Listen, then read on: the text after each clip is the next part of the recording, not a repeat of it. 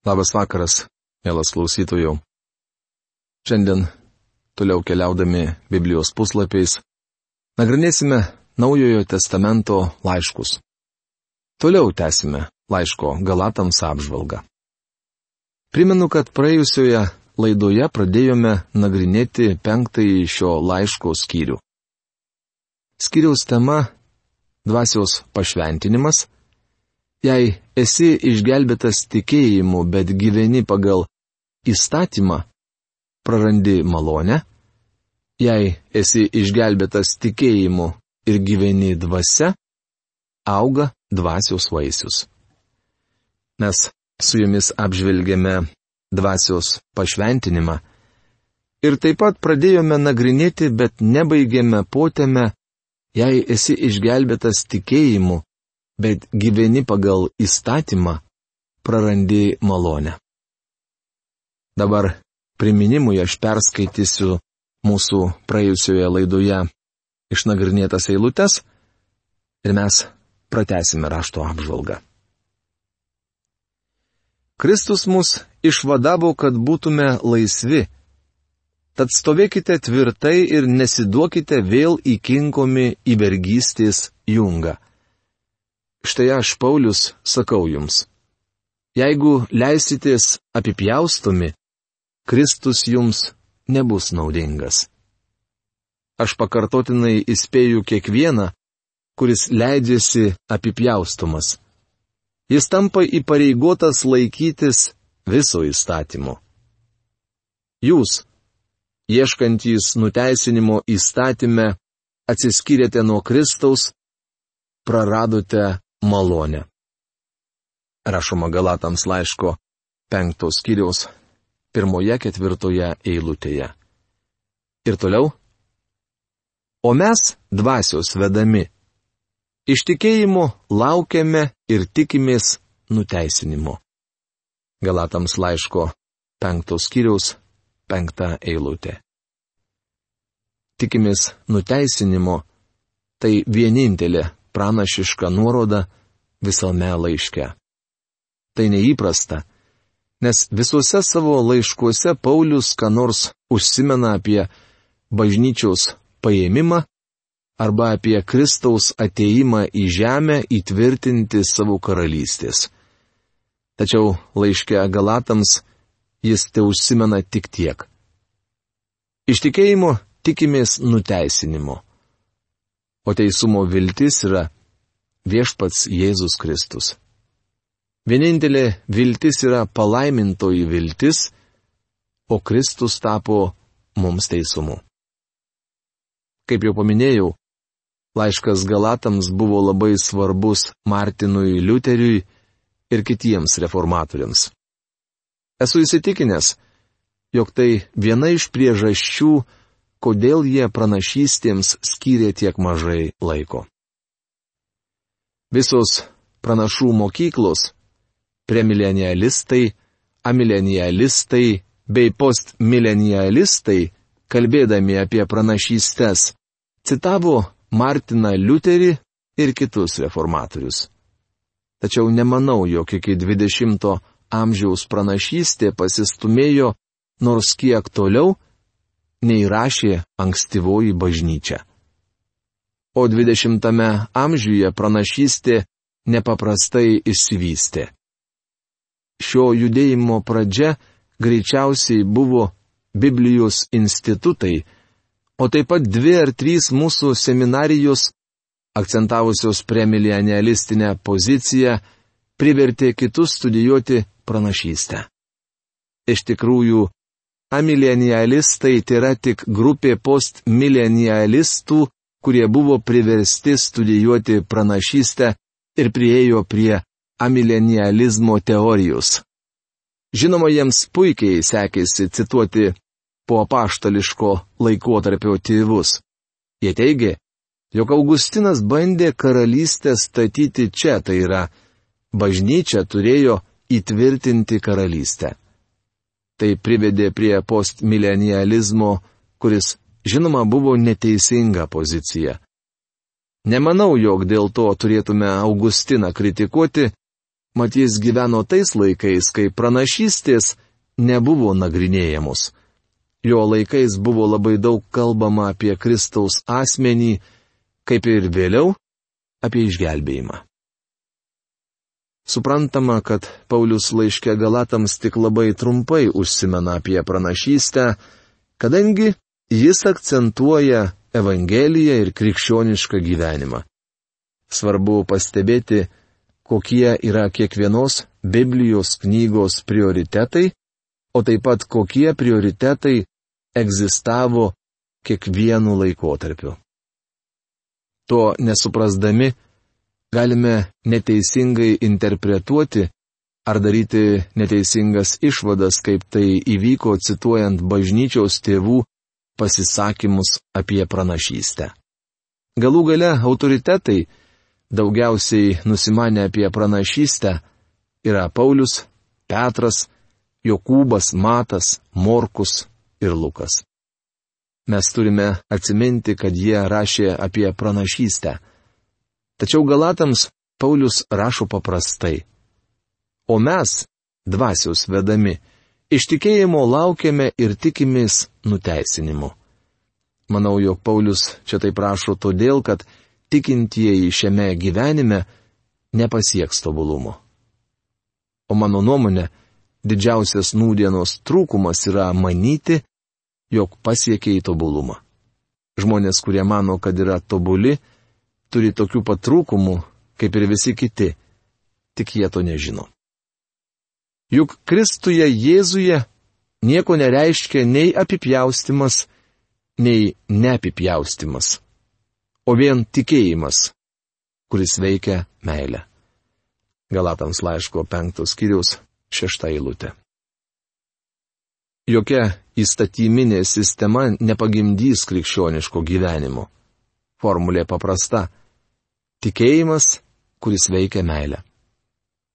Toliau skaitant laišką Galatams, Paulius mums pateikia modus operandi veikimo planą. Tačiau prisiminkime, jog tai paprasta formulė. Tikėjimas, kuris veikia meilę. Štai kaip reikia gyventi krikščioniškai. Tikėjimas veikia meilę. Meilė - šventosios dvasios vaisius. Jūs taip gražiai bėgote, kasgi jums sukliudė laikytis tiesos? Galatams laiško penktos kiriaus septinta eilutė. Paulius Galatams priekaištauja, švelniai juos pabara. Jiems puikiai sekėsi, kol nepasirodė judaizmo šalininkai.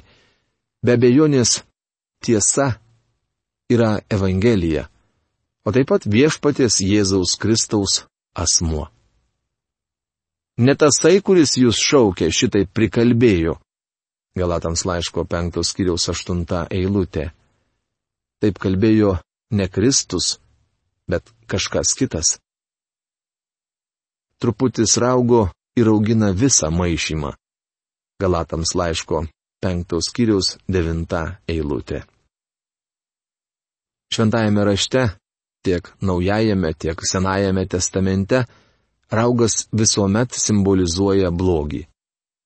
Mato Evangelijos 13 skyriaus 33 eilutėje, kai moteris rauga įmaišė trijuose saikuose miltų, raugas nebuvo Evangelija tai galbūt buvo tokia tariama Evangelija, kuri šiandien sklando kaip teisinga ir galiojanti, tačiau vis tiek yra bloga.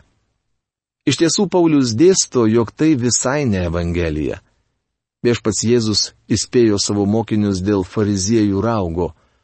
Skaitykite tai Mato Evangelijos 16 skyriaus 6 eilutėje. Manau, jog Šiandien mus reikia įspėti dėl legalizmo raugo. Tai baisu. Anot legalizmo, Kristus mirdamas ant kryžiaus už mus prieš du tūkstančius metų ir mus išgelbėdamas, padarė ne viską.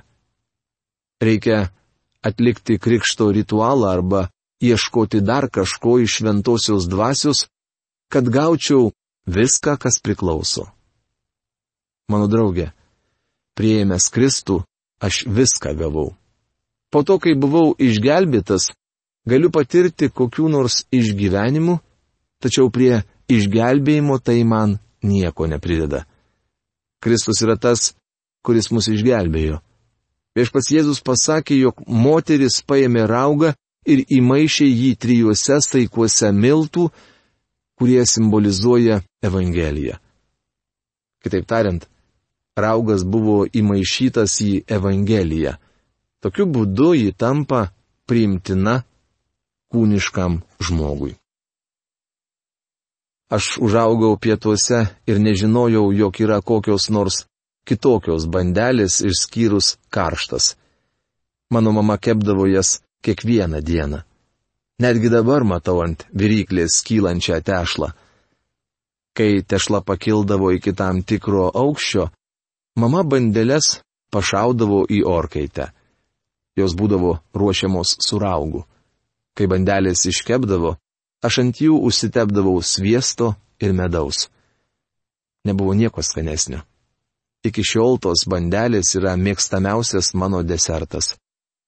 Šiandien į Evangeliją įmaišoma daug raugo, kad ji taptų skanesnė.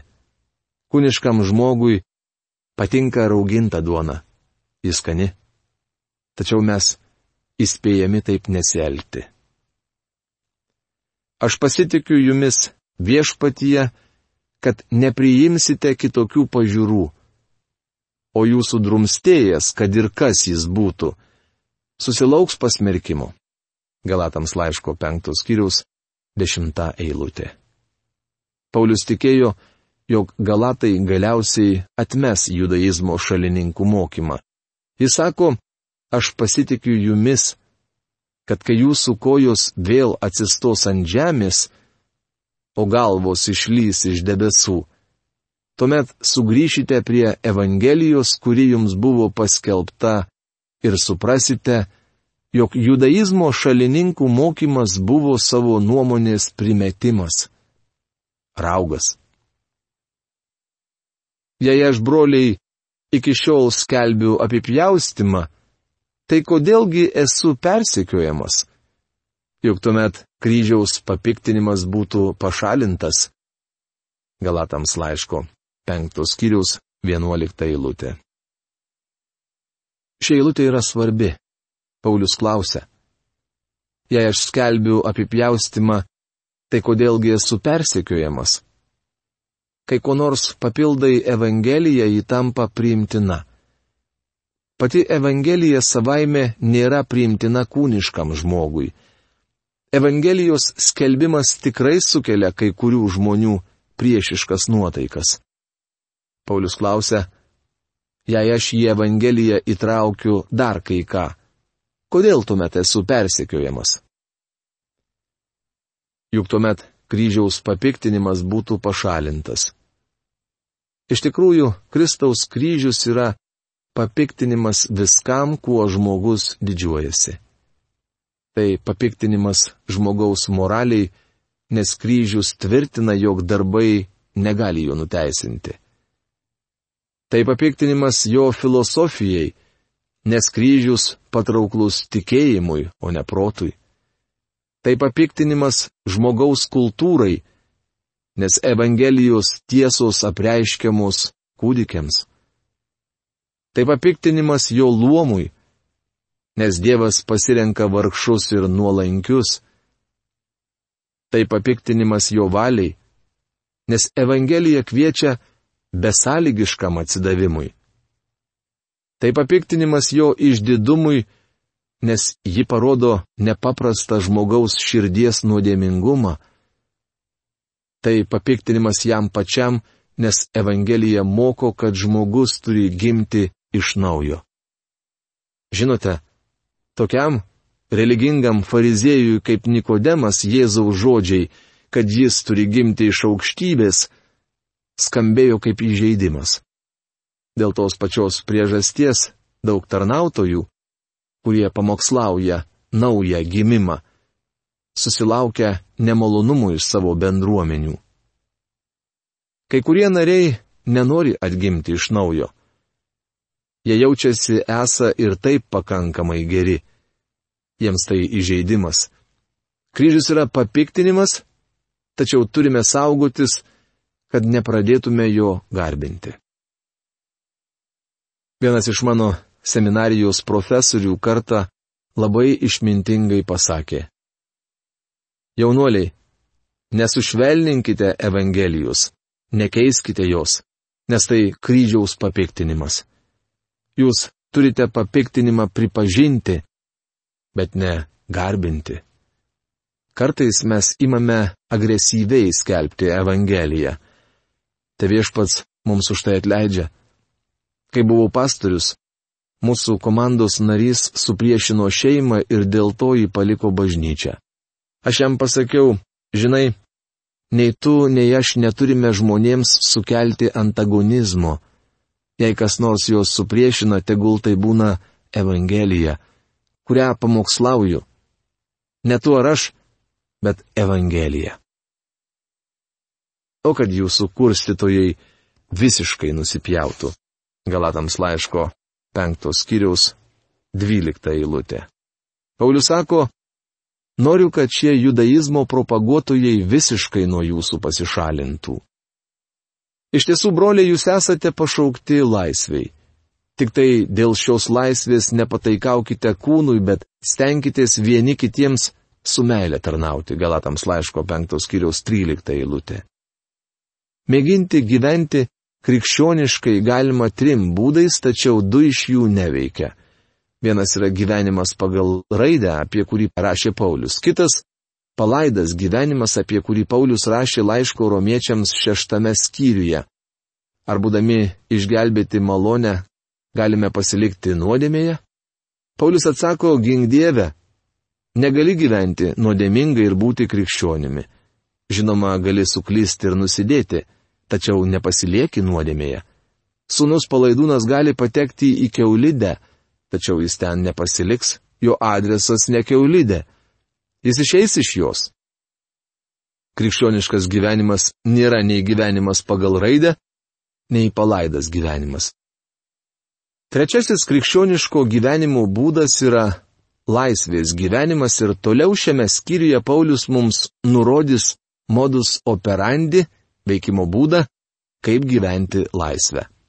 Gyvenant pagal raidę, reikia ne tik laikytis dešimties dievų įsakymų, bet ir tam tikrų taisyklių, kurių šiandien laikosi tikintys Biblija. Jie sako jums, kur negalite eiti ir ko negalite daryti. Prisimenu vieną nuostabią moterį, Biblijos mokytoją iš Teksaso. Ji puikiai mokė Biblijos. Kartą prie manęs priejo vienas žmogus ir paklausė, ar manote, kad ji tikra krikščionė? Ji dažosi. Tačiau kasgi kada nors pasakė, jog veido kosmetika yra testas, pagal kurį sprendžiama, ar žmogus krikščionis ar ne. Aš tam žmogui atsakiau, jog Biblijos mokytoja gyvena laisvėje. Galbūt jį naudoja per daug kosmetikos, tačiau jos amžiuje gal ir reikėjo šiek tiek storesnio sluoksnio. Atvirai kalbant, nemanau, jog tai labai jai padėjo. Tačiau ji turi laisvę Kristuje. Ar valgai mėsą, ar nevalgai, tai nepriartina prie Dievo. Ar naudoji kosmetiką ar ne, tai prie Dievo nepriartina. Paulius teigia, jog gali laikytis visų įsakymų ir vis tiek gyventi nekrikščioniškai. Gali laikytis ne vien tik dešimties Dievo įsakymų, gali laikytis visų kitų nurodymų, kurios žmonės iškelia tavo gyvenimui. Tačiau vis tiek negyventi krikščioniškai. Taip pat yra tokių, kurie prieštarauja bet kokiems įstatymams ir mano, kad elgdamiesi kaip jiems patinka, vis dar gyvena krikščioniškai. Tokie žmonės yra tokie pat kraštutiniai kaip ir gyvenantys pagal raidę. Krikščioniškas gyvenimas yra nei vienoks, nei kitoks, tai laisvė Kristuje. Tik tai dėl šios laisvės nepataikaukite kūnui. Ką malonės Evangelija padaro tikinčiajam? Maloninė įstatymas išlaisvina mus nuo nedarybių ir leidžia daryti gerą. Malonė mus išlaisvina ne nuodėmiai, bet iš nuodėmės. Matote, tikintysis turėtų trokšti įtikti Dievui ne todėl, kad turi įtikti jam kaip vergas, bet todėl, kad jis sunus ir nori įtikti savo tėvui. Jis daro tai, ko nori Dievas, ne todėl, kad bijo kitaip elgtis, tarsi būtų priešas, bet todėl, kad nori taip elgtis, nes Dievas jo draugas. Dievas yra tas, kuris jį myli, jis tarnauja Dievui ne dėl išorės spaudimo, tokio kaip įstatymas, bet dėl nuostabaus vidinio principo, Kristaus gyvenimo, kuris yra jo viduje. Mes tarnaujame Dievui, nes jį mylime. Viešpats Jėzus savo mokiniams kalbėjo, jei mane mylite, jūs laikysitės mano įsakymų, rašoma Jono Evangelijos 14 skyriaus 15 eilutėje. Dažnai mąstydavau, jei mokinys būtų ištaręs aš tavęs nemyliu, ar mūsų viešpats būtų pasakęs, tuomet pamiršk ir mano įsakymus. Paklusnumas remiasi į meilę jam. Įstatymas niekada negalėjo atvesti mūsų į tokią padėtį. Nuo pat pradžios jis buvo negatyvus mūsų atžvilgiu. Įstatymas atnešė negatyvų gerumą, jį šiandien turi dauguma žmonių. O jei tik galėčiau šią tiesą perteikti daugeliu tikinčiųjų. Jūsų negatyvus gerumas yra įstatymiškas gerumas. Galite pasakyti, aš nedarau to ir to, tačiau ką jūs darote? Mano draugė, visos įstatyminės sistemos pagimdo tik negatyvų gerumą. Tokie niekuomet nepakyla iki pozityvaus gerumo sferos, kur žmogus siekia įtikti Dievui iš meilės. Dievas nori, kad jam tarnautume dėl to. Dabar Paulius sutrumpins tai iki paprasto teiginio, o vėliau plačiai išplėtos mintį ir aiškiai išdėstis, ką turiu omenyje. Juk visas įstatymas telpa viename sakinyje - mylėk savo artimą kaip save patį. Galatams laiško 5 skyriaus 14 eilutė. Kosto burbulio vertime šia eilutė skamba taip. Juk visas įstatymas išsipildo viename žodyje - mylėk savo artimą kaip save patį. Čia įstatymas sumažintas iki mažiausio paliepimo. Tai rimtas išbandymas tiems, kurie mano, jog gyvena pagal įstatymą. Mylėk savo artimą kaip save patį. Tas vienas žodis yra mylėk. Bet jeigu jūs vienas kitą kremtate ir ėdate, tai žiūrėkite, kad nebūtumėte vienas kito praryti. Galatams laiško penktos kiriaus penkiolikta eilutė. Visuomet norėjau pamokslauti šios rašto vietos. Savo pamokslą pavadinčiau Krikščionys kanibalai. Ar žinote, kad šiandien daugelie bažnyčių krikščionys kremta, ėda ir praryja vienas kitą? Kramtymas yra toks pat blogas kaip ir pasiutusio šuns. Niekas negali tos žaizdos išgydyti, gali tik tai kentėti. Šiandien aplink bėgioja daug pasiutusių šunų. Jie kanda ryja. Deja, mūsų laikais pasaulis praeina pro bažnyčią, nors joje yra daug puikių žmonių ir nuostabių pamokslininkų. Tačiau kai kurių krikščionių gyvenimai neleidžia pasauliečiams ateiti. Žinau bažnyčių, kuriuose krikščionys vieni kitų nemyli, tik vienas kitą kremta ir ėda. Tai siaubinga. Mielas klausytojau, šioje rašto dalyje mes sustosime ir kitoje laidoje išnagrinėsime paskutinę potėmę. Tai yra, jei esi išgelbėtas tikėjimu ir gyveni dvasia, auga dvasios vaisius. O šiandien tai jums sudė.